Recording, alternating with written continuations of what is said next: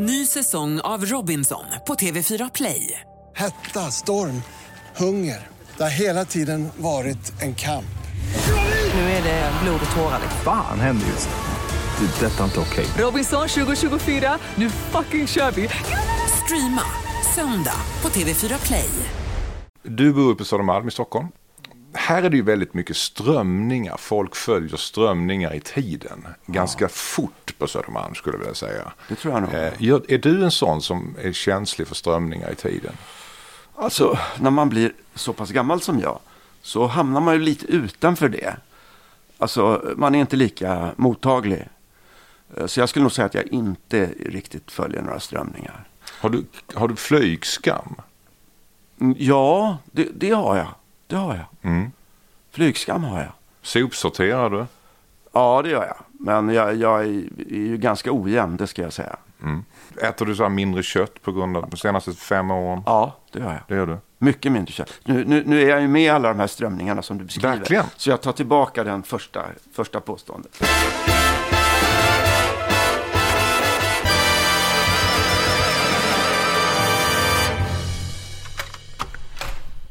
Tjena! Hej på dig. Välkommen! Tackar, tackar. Du kommer i utsatt tid. Ja, det gör jag. En minut innan utsatt tid knackar det på dörren.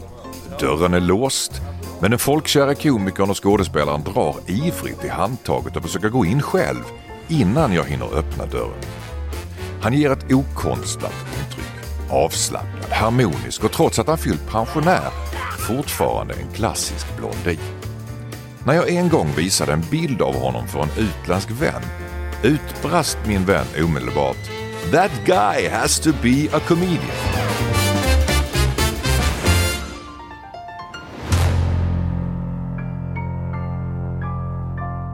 Välkomna allesammans till toppmöte med Anders S. Eh, Det är skratt redan på den, eh, det namnet på podden. Eh, Vi har ju diskuterat fram vilka olika namn vi ska ha på podden men vi kom fram till, jag och Henrik Dorsin, att det skulle bli toppmöte. Toppmöte. Det är bra. Vi är ju högt upp och det är ju toppen att vara här uppe. Den har jag inte tänkt, jag bor ju högst upp. Ja, ja så det det, är vad tänkte du? Toppmöte i betydelsen? Toppmöte, stora Okej. giganter Jag träffas jag i Reykjavik Ja, ja. Nej, men gör upp. det, så kan man ju också se på det. Jag skulle, brukar börja med att jag ber om personuppgifter fullständigt. Ja, vad, vad betyder det? Att, och, och, hur gammal man är och? Personnummer, eh, namn. Ska man lämna ut personnummer? Kan inte folk använda det? Säljs inte det i Ryssland eller något? Om jag säger det här. Jätteintressant att säga det. För att när jag sa det så drog Dorsin, han drog hela sitt personnummer med de fyra sista siffrorna. Så att det kommer, kommer flytta in många Dorsin i, i, Stockholm. Men det är en offentlig handling. Det är det? Okej. Mm. ja, men då- jag kollade upp ja. det, jag tänkte blipa det, men det behöver vi faktiskt inte göra. Ja. Ja, men jag är då 1954 0530. Det räcker då. Mm. Det räcker så. Ja. Karl Johan Magnus Ulveson.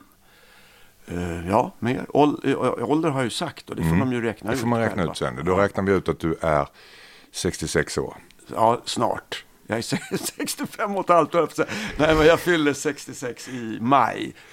66 är ju väldigt mycket, tycker jag. Så 65 är jag nu. Så 65 år gammal. 65 år. Ja. Fyller 66. Japp. Vi släpper det, men du Ja. kommer att göra Om jag det. lever så fyller jag 66. Ja, ja. vi kommer gå in på det sen, för du har varit nära att stryka med. Ja, det har jag absolut. Mm. Eh, hur tog du dig hit? Jag bor ju uppe vid Mariatorget så att jag promenerar hit. Har du problem att du blir igenkänd?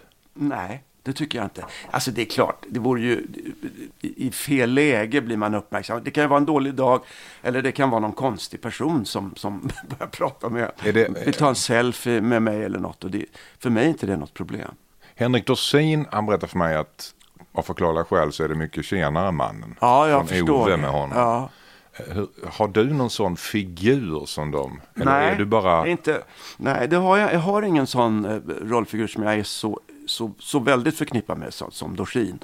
Eh, Berts pappa, många, alltså, Mm. för de är ju den åldern som, som hojtar efter en. Just det. liksom högstadieåldern typ. Mm. Som, att de tycker att det är kul också att vara lite fräcka och liksom våga skrika Fredrik efter en och sådär. Jag har inget större problem med det faktiskt, det har jag inte. Du, gillar du det? Rent av? Nej, det, det, det ska jag inte heller säga. Nej. För jag är en ganska privat person. Och, jag, jag är inte så, så att, jag, att jag känner att jag är liksom skyldig att vara tillgänglig i alla lägen. Skulle du vilja vara utan det? Alltså, Ka- Alltså, om jag ska vara helt ärlig så kanske ändå inte. För det är ändå det är, det är som en naturlig del av att man har varit med många år. Att de känner igen en från tv. Framförallt är det ju tv. Ja, ja. Det är ju inte från Dramaten direkt eller från, från Stadsteatern eller sådär. Utan det, ingen det, kulturtant som kommer fram och vill ha Ja, selfie med det, det, är det är ju också ganska många. Men det är ju ofta trevligt, för det är ju så pass få ändå som hinner se en föreställning. Så det, det- kan vara väldigt kul att de, att de har sett den. Och, Någon som har stött på dig för att du är du?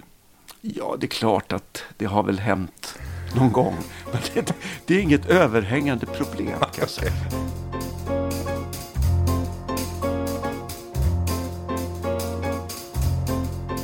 Om vi tar, sätter på kartan lite grann så är du uppväxt i en officersfamilj. va? Ja, det kan man säga. Ja. Min pappa var, var marinofficer. Vad var han för? Han, han var då, när jag var liten var han kapten och då var han ubåtskapten. Och mamma var? Mamma var sekreterare. Mm. Hade du militärisk eh, rutiner hemma? Var det? Nej, inte särskilt faktiskt. Nej. När insåg du att eh, fan jag är rätt kul alltså?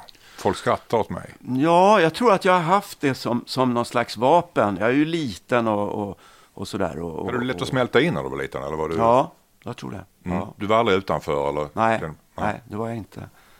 Eh, Jag, jag, jag, jag trivdes inte så bra i skolan. Jag, jag, kom liksom, jag knäckte aldrig koden i själva i plugget. Alltså när det gäller betyg och sånt där. Det har, det har jag aldrig riktigt eh, fattat på något sätt. Hur man ska bete sig för att få bra betyg. Men, men jag hade det väldigt bra. Hur menar du då? Det är väl bara Nej, men jag plugga? har liksom aldrig riktigt förstått. Ja, men bara plugga. Så enkelt är det inte. Man måste nog förstå hur man ska göra på något sätt. Jag, jag har aldrig riktigt förstått det. Jag, jag, jag Hur, hur menar du då? Alltså Nej, men som- studieteknik alltså? Studieteknik. Lära sig floderna i Ryssland? Du... Nej, nej, jag har aldrig riktigt fattat det. Hur man gör. Och matte, jag liksom... jag- Det känns som att jag kom efter i första klass och sen har jag aldrig kommit till fatt. Du... Är så, jag, jag somnade en liten stund. Jag tror det var tredje lektionen och efter det så är jag hopplöst efter. Så känns det. Ehm, du nämnde att du var, du var liten och lite tanig och sådär och, och eh, hittade ett sätt att eh, använda det. Ja, Jag ja. har ju en teori där också om att eh, vårt, vår kropp, Mm. konstitution och vår, vår utseende helt enkelt definierar oss vilka vi är väldigt tidigt. Jag var ju lång till exempel Ja, och, och eh, kunde aldrig smälta in. Nej, Och jag hade liksom ingen val Nej. annat än att synas. Det fysiska definierade Ja. min person. Jag tror att du har helt rätt i det.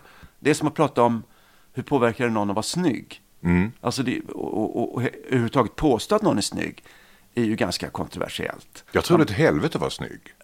Därför att, att man ut... Man, alltså, Det är underbart att säga det. Jag tror att det är ett helvete. Ja. Det tror jag också. Två fula diskuterar, det kan vi ju ha som, som, som namn på podden. Jag menar, du har ju alltid misstanken om att det där jobbet har han fått för att. Det där jobbet har hon Ja, fått för fast jag har ändrat mig lite om det där. Jag har tänkt så där mycket som du säger.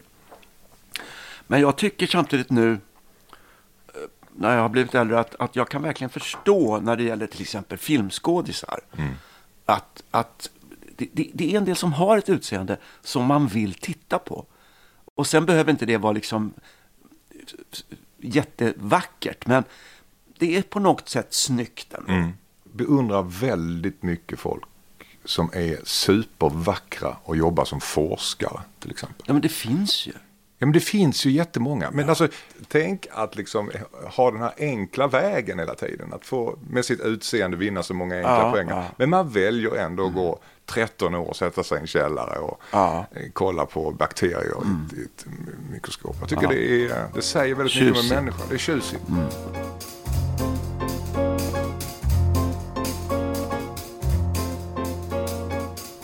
En komiker eh, gör roliga saker, brukar man säga. Och en, en bra komiker gör saker roliga. Och du är ju en sån som gör saker roliga. Jag säger det som ett statement. enkelt. okej. Du är, jag upp, upplever det? Dorsin skulle nämna en person och han nämnde ditt namn. Okej. Omedelbart. Som en person som är omedelbar funny bones. Ja, ja, det är smickrande. Tycker du själv att du är rolig?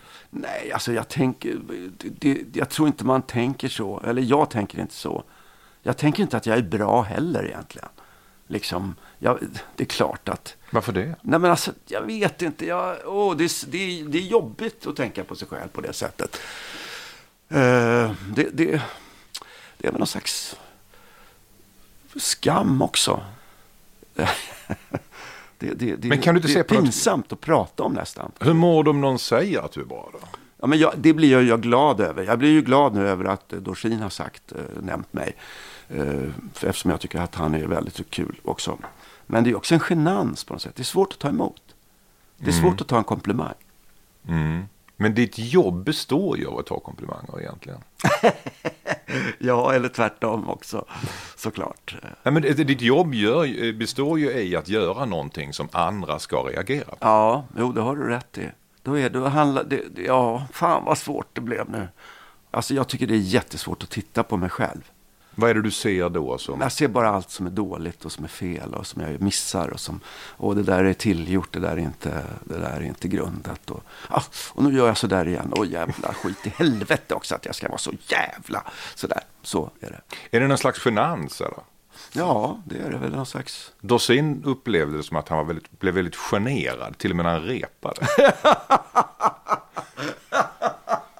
ja, det, ja du, ja faktiskt, det finns ju en, en stark känsla av genans, det gör det.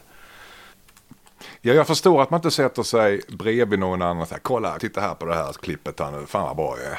Det, det känns ju lite förmätet eh, Ja. någonstans. Men när man sitter själv i sin ensamhet och smyg, och smyg, beundrar sig själv. smyg beundrar sig själv. Kan, kan du inte göra det? Ja, kan, alltså när du säger det så, så har det nog hänt. Har du något exempel? Nej, det skulle jag aldrig säga. Tycker du att du är bra i parlamentet? Nej, inte särskilt faktiskt. Men det, det, det händer ju ibland att det, det rasslar till liksom. Det gör det. För när folk ska nämna sina favoritkomiker så ligger du ju i topp. Ja, det är, Du ligger ju bland- ja, det, det är ju väldigt roligt att höra. Ja, även, eh, vi som jobbar bakom. Ja, det, är- det är kul att höra. Det är det.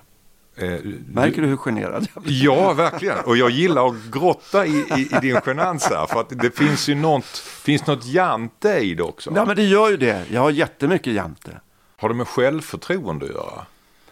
Jag har dåligt självförtroende. Det har jag. Var kommer det ifrån? jag, har aldrig riktigt eh, haft någon, någon bra. Är det självkänsla eller självförtroende? Självförtroende kan jag nog ha. Att jag liksom när folk säger det där var bra så då får jag bra självförtroende. Men i grunden så känner jag väldigt tvivel på mig själv.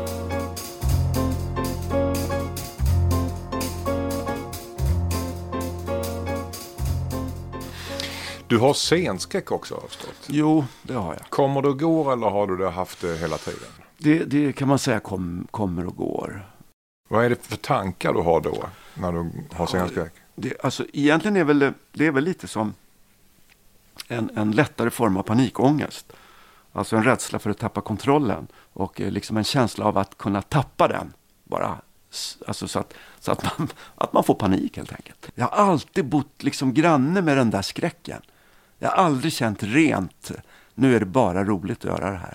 Utan under det så finns den här rädslan Mm. som jag måste övervinna på något sätt. Mm. Ja, för jag tänker det, ni i- parlamentet då som jag har jobbat med dig mest så är det ju ser man ju hur ni, hur ni laddar upp på olika sätt. Och en del laddar ju upp genom eh, att gå ner i ett mörkt hål Ja, ja. och känna att det är ångest och, och eh, nej, åh shit, åh, man gör det här igen. Och sen så Ja, så kommer de upp.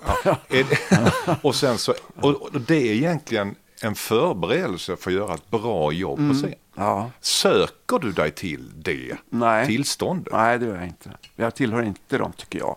Jag vill inte prata för mycket och stöka för mycket. Och sådär. En del vill ju snacka och skoja ända tills de går in. Liksom. Det kan vara lite svårt. När man... Per Andersson. Ja, ja, till exempel. Ja, men han är ju galen. Han måste liksom... Han är bara en förlängning av sitt ja, privata Ja, men jag. exakt.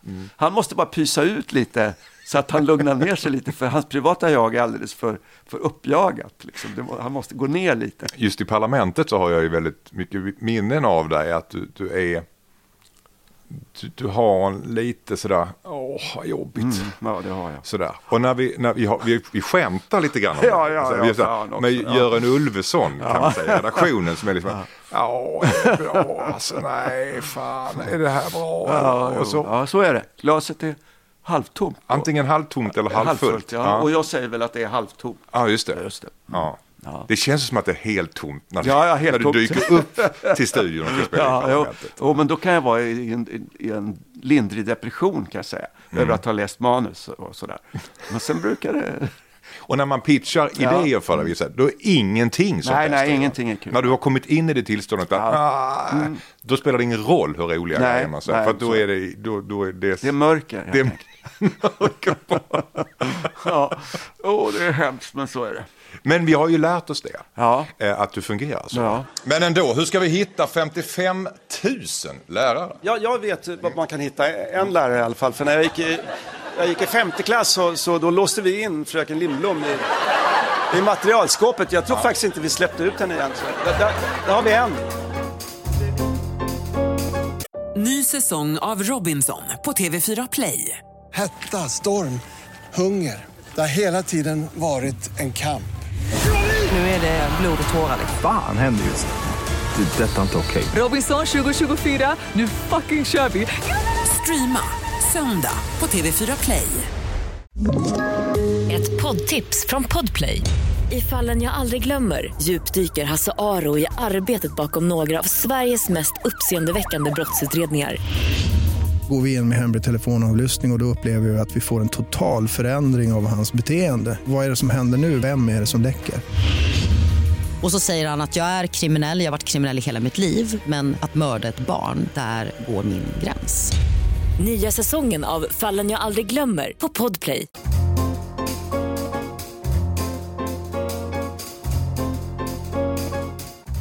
Jag träffade dig på Fotografiska tror jag det var.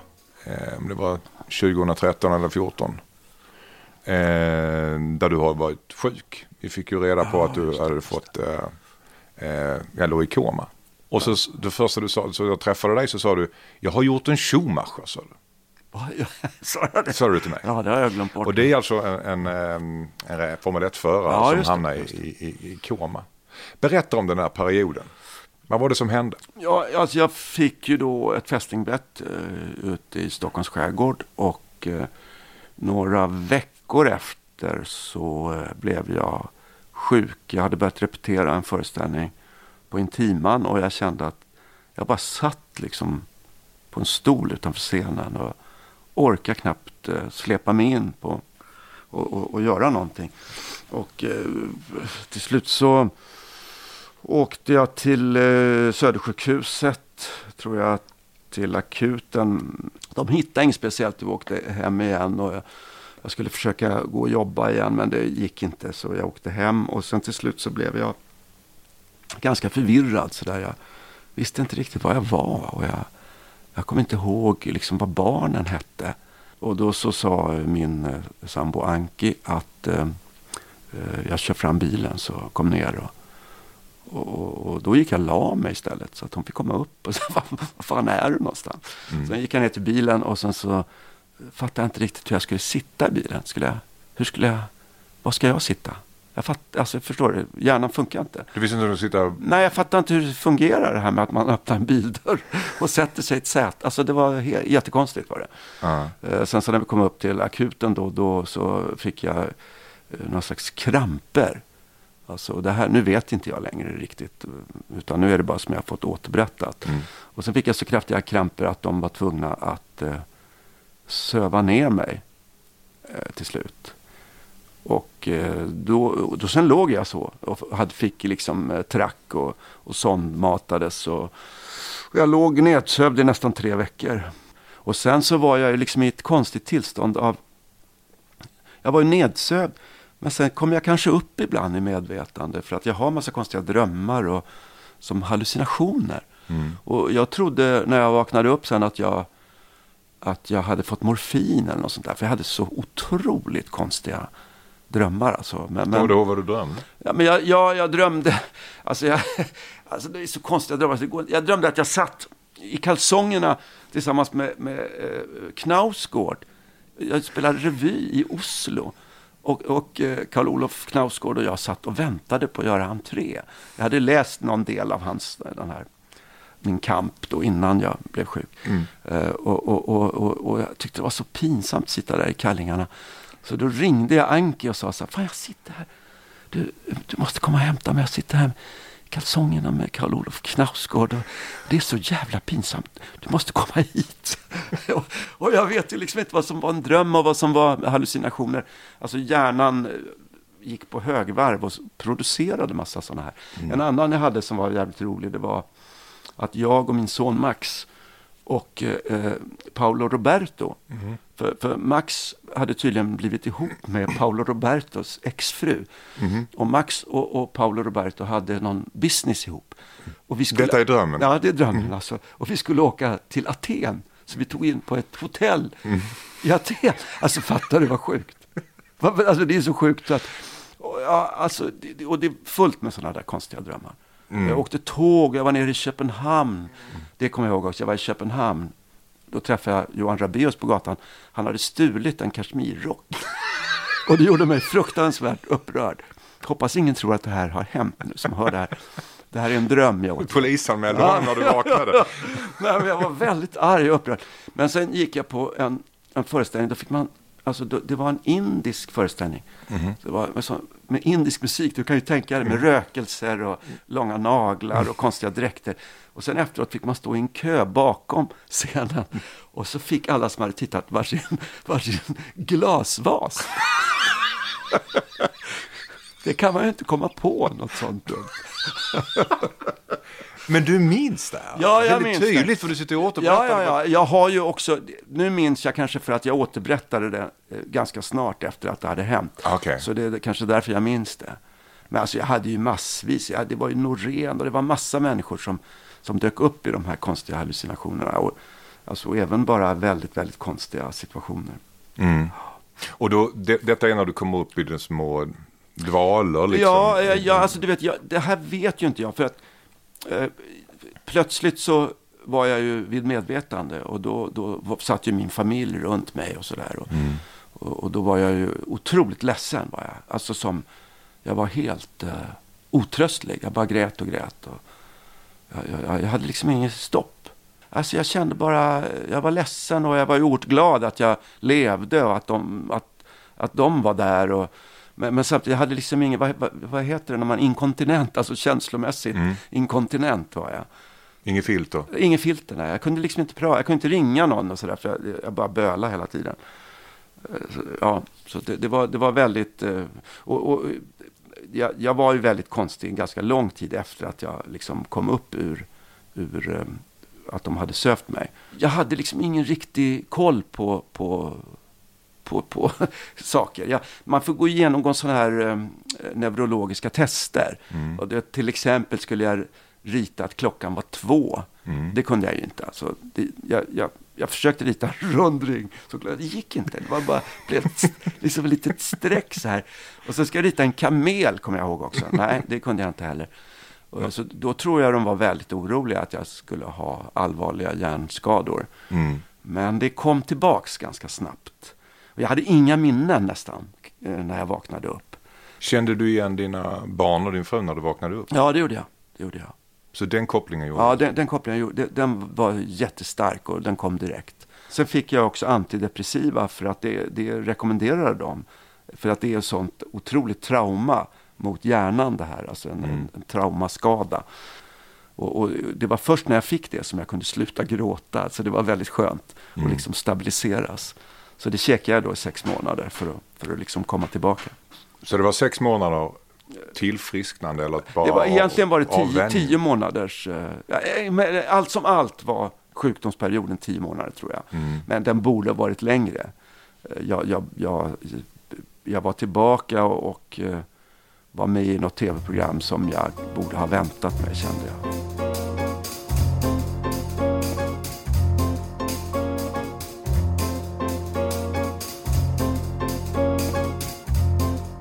Jag, jag tänker på en grej kring detta. Det, det är liksom, du är 59 då.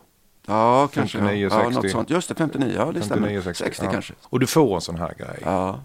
Eh, vad går, det var inte så mycket tankar du hade kanske att jobba med, men, men dödsångest, alltså känner att nu är det klart? Nej, alltså jag var väldigt eh, envis när jag vaknade upp. Alltså jag skulle upp ur sängen direkt. Jag var skitjobbig, berättar hela min familj. Jag var asjobbig.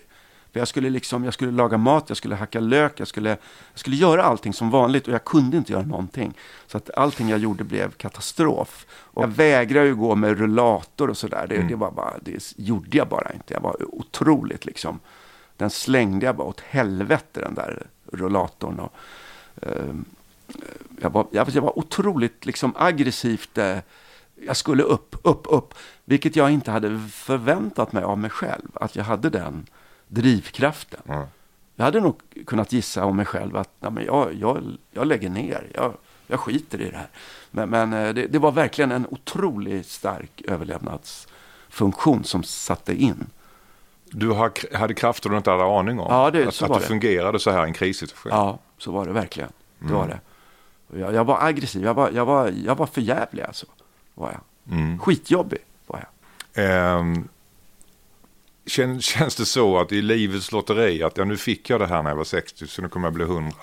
Men jag har gjort mitt. Nej, alltså det, det, det känns inte så. Utan där kan jag nog känna eh, att jag, jag känner mig dödlig på ett sätt som jag inte kände innan. Alltså att jag inser att jag, det, men det vet man ju att man kommer att dö. Det har vi ju gemensamt, vi människor. Men, men det, det är ändå en, någon slags teori. I rätt, rätt länge i livet så är det ju bara någonting som man säger att Mm. man vet, men man vet inte. Men nu känner jag att jag är, jag är många steg närmare att jag faktiskt vet att jag kommer att dö. Hur har du förändrats som person tycker du efter det här? Ja, inte jättemycket, men, men eh, Jag eh, måste säga att jag nämnde ju att du var, var liksom så lite gnälliga Johan Ulveson när han kom till parlamentet och sen så gjorde han ett kanonprogram i alla fall. Men jag tyckte det förändrades efter det ja, här. ja okej, ja. Du var mycket mer, ja ja, det blir nog bra det här. Mm, det, det, det är nog sant faktiskt. Vi, vi, vi, måste ha krig. Det är det viktiga. Vi måste ha krig. Vi kan inte ha en hel yrkeskategori som bara går och väntar på att sätta igång och jobba. Ja, men det, det är som att ha ett, ett, ett varuhus med, med hundratals anställda och fulla lager och sådär. Och, inte veta om det kommer några kunder. Va? Så har man kvar det här varuhuset för att det kanske någon gång i framtiden kommer någon som ska handla någonting. Alltså det, det, det är ju lite grann som Kista centrum.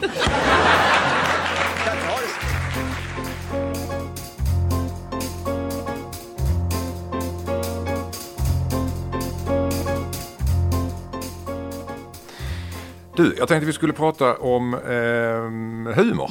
Ja. Humorklimatet i... i eh, Ett i- populärt ämne. Ja, Ja, det är ett populärt svårt ämne och, och svårt ämne. Jag tycker det är intressant. Ja, det är Eh, Den analysen som jag gör lite grann idag är väl att det finns någon slags åsikt, som, ungefär som att det finns partipiska. Ja, Att Man, ska, man ska hålla sig i, I sin in folla, sig ja. i, i, i folla. Och att det har smittat över på komiken.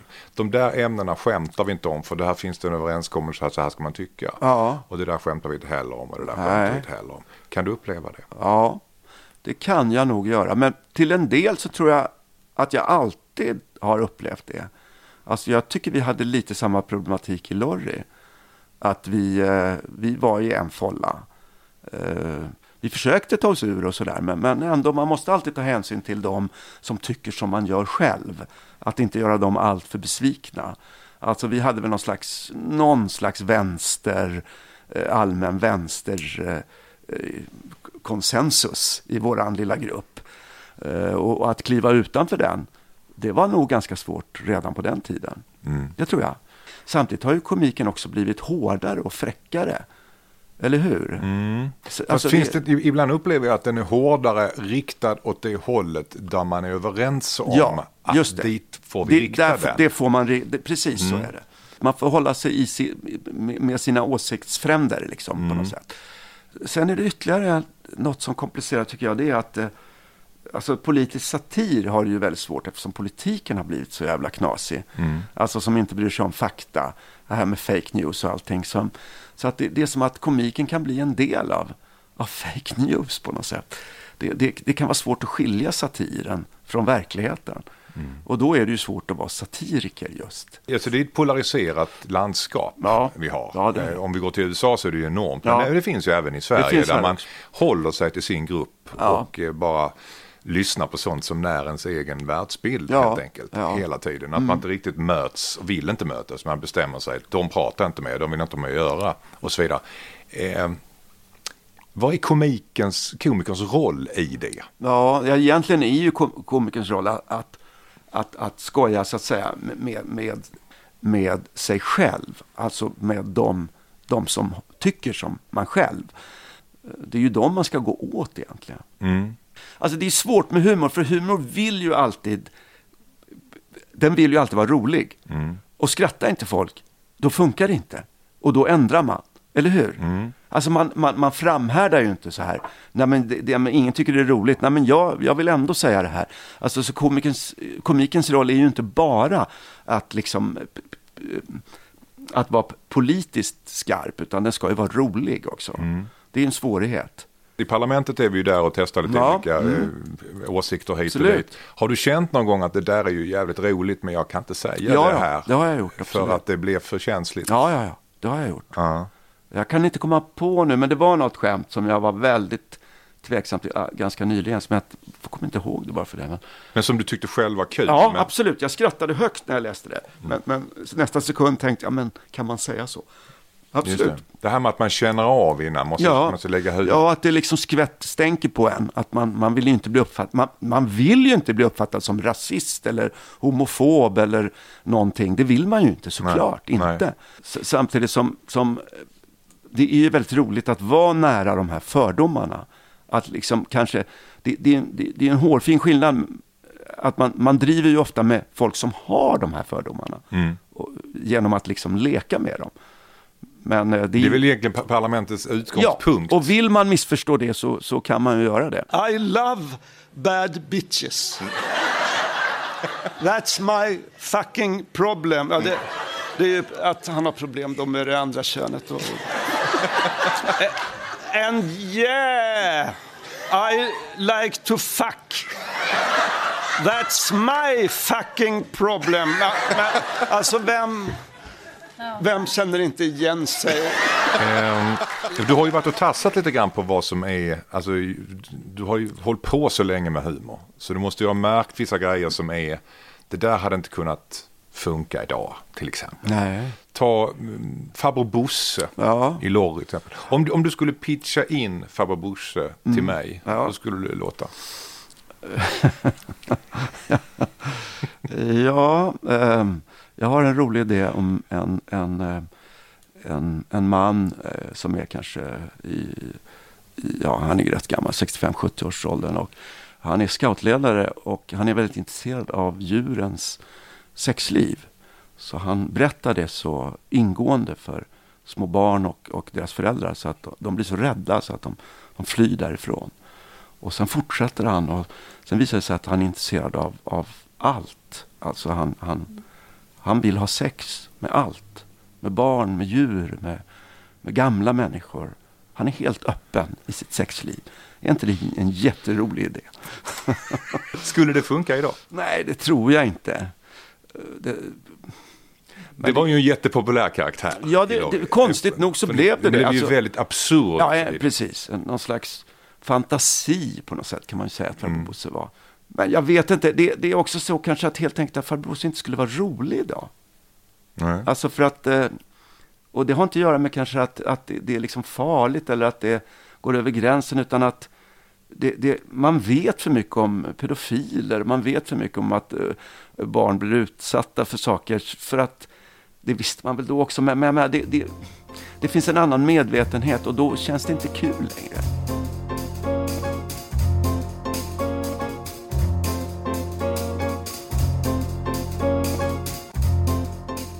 Jag har tagit fram vissa skämt i parlamentet som ströks.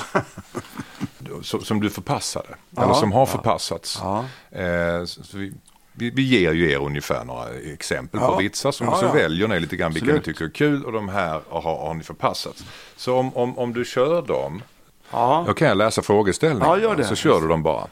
Ehm, då är det dags för aktuell rapport. En ny superdator uppfunnen i Malmö räknar ut var faran för brott är störst och på så sätt kan man kunna stoppa brott innan de begås. Är det här framtiden Jon Olsson?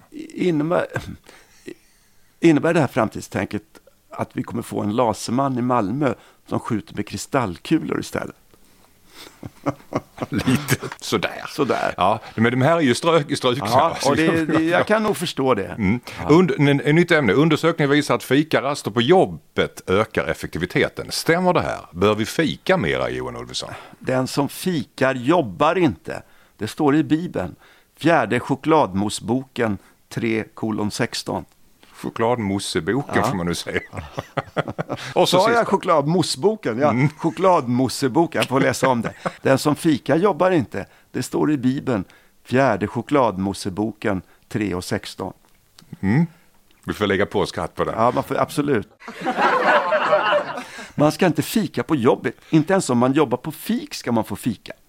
Jag blev så jävla förbannad när jag såg en idiot som satt framför och jobbade framför datorn med ett wienerbröd i munnen. Att jag snodde hennes dator och sprang iväg. Eller det kanske, kanske, det kanske inte var ett wienerbröd hon hade i munnen. Och hon jobbade kanske inte. Men datorn snodde jag i alla fall. Och fel håll. Åh gud vilken jobbig. Åh. Ja, Men den, den, var, den skulle kunna bli rolig den sista. det skulle det kunna Ja. vara. Så blir det lite lättare om Men- publiken kommer med Ja, också. men väldigt mycket jobb med den. Den där repliken känner jag igen. Ja. Den skulle kunna bli Ja. bra. Men lite mer jobb med det. Ja. Ja. Nej, men den är svår. Liksom. Ja. Carl Johan Magnus Ulveson, tack så hjärtligt. Tack så mycket Anders.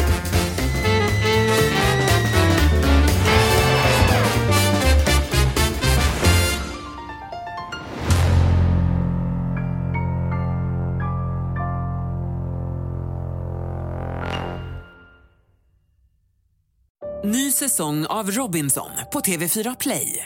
Hetta, storm, hunger. Det har hela tiden varit en kamp. Nu är det blod och tårar. Fan händer just nu. Det. är Detta är inte okej. Robinson 2024, nu fucking kör vi! Streama söndag på TV4 Play.